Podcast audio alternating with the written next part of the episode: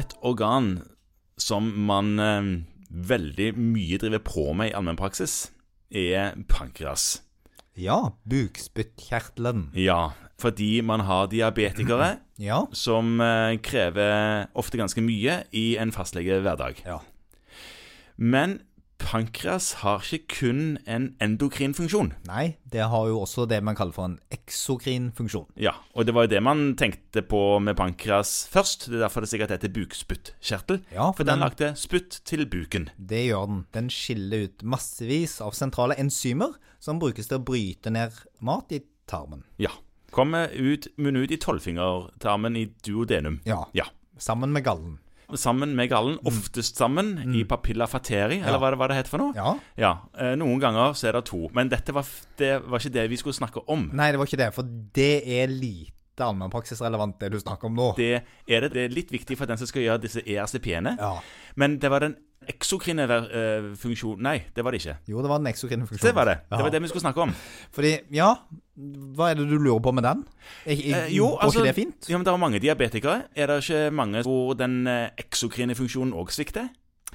Jo, det er der. Tar du HBNC vi inne på HbA1c noe. der òg, holdt jeg på å si? Ja, du gjør, jo ikke det. nei, gjør jo ikke det. Eh, Og mange av de som har en eksokrin pankreassvikt, de er ikke klar over det.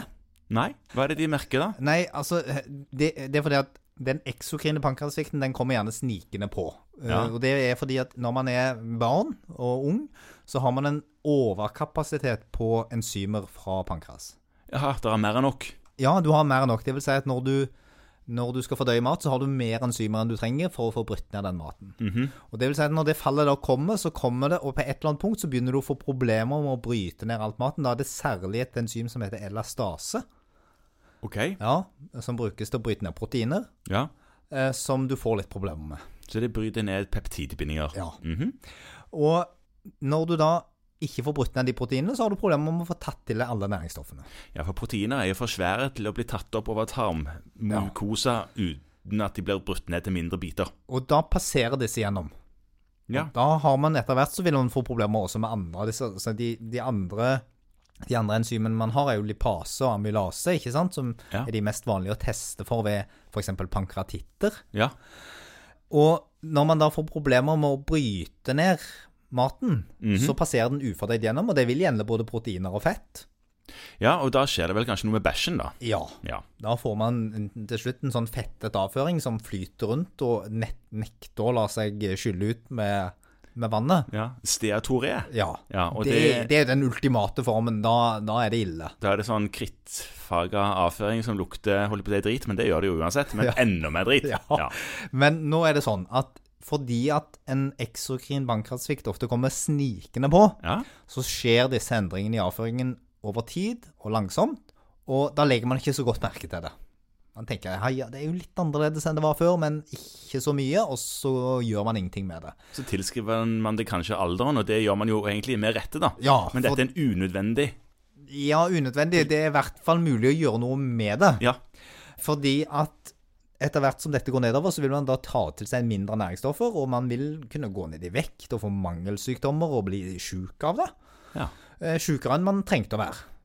Ja. Og da er det sånn at det fins medisiner. Det går an å ta tabletter med forskjellige pankreasenzymer eh, for å bøte på dette. Ja, ja. Og det man da kan gjøre, er å For å avklare dette, så kan man måle elastase i, i avføringen. Måle elastase Men da tar du en avføringsprøve og sender til et annet laboratorium? Ja.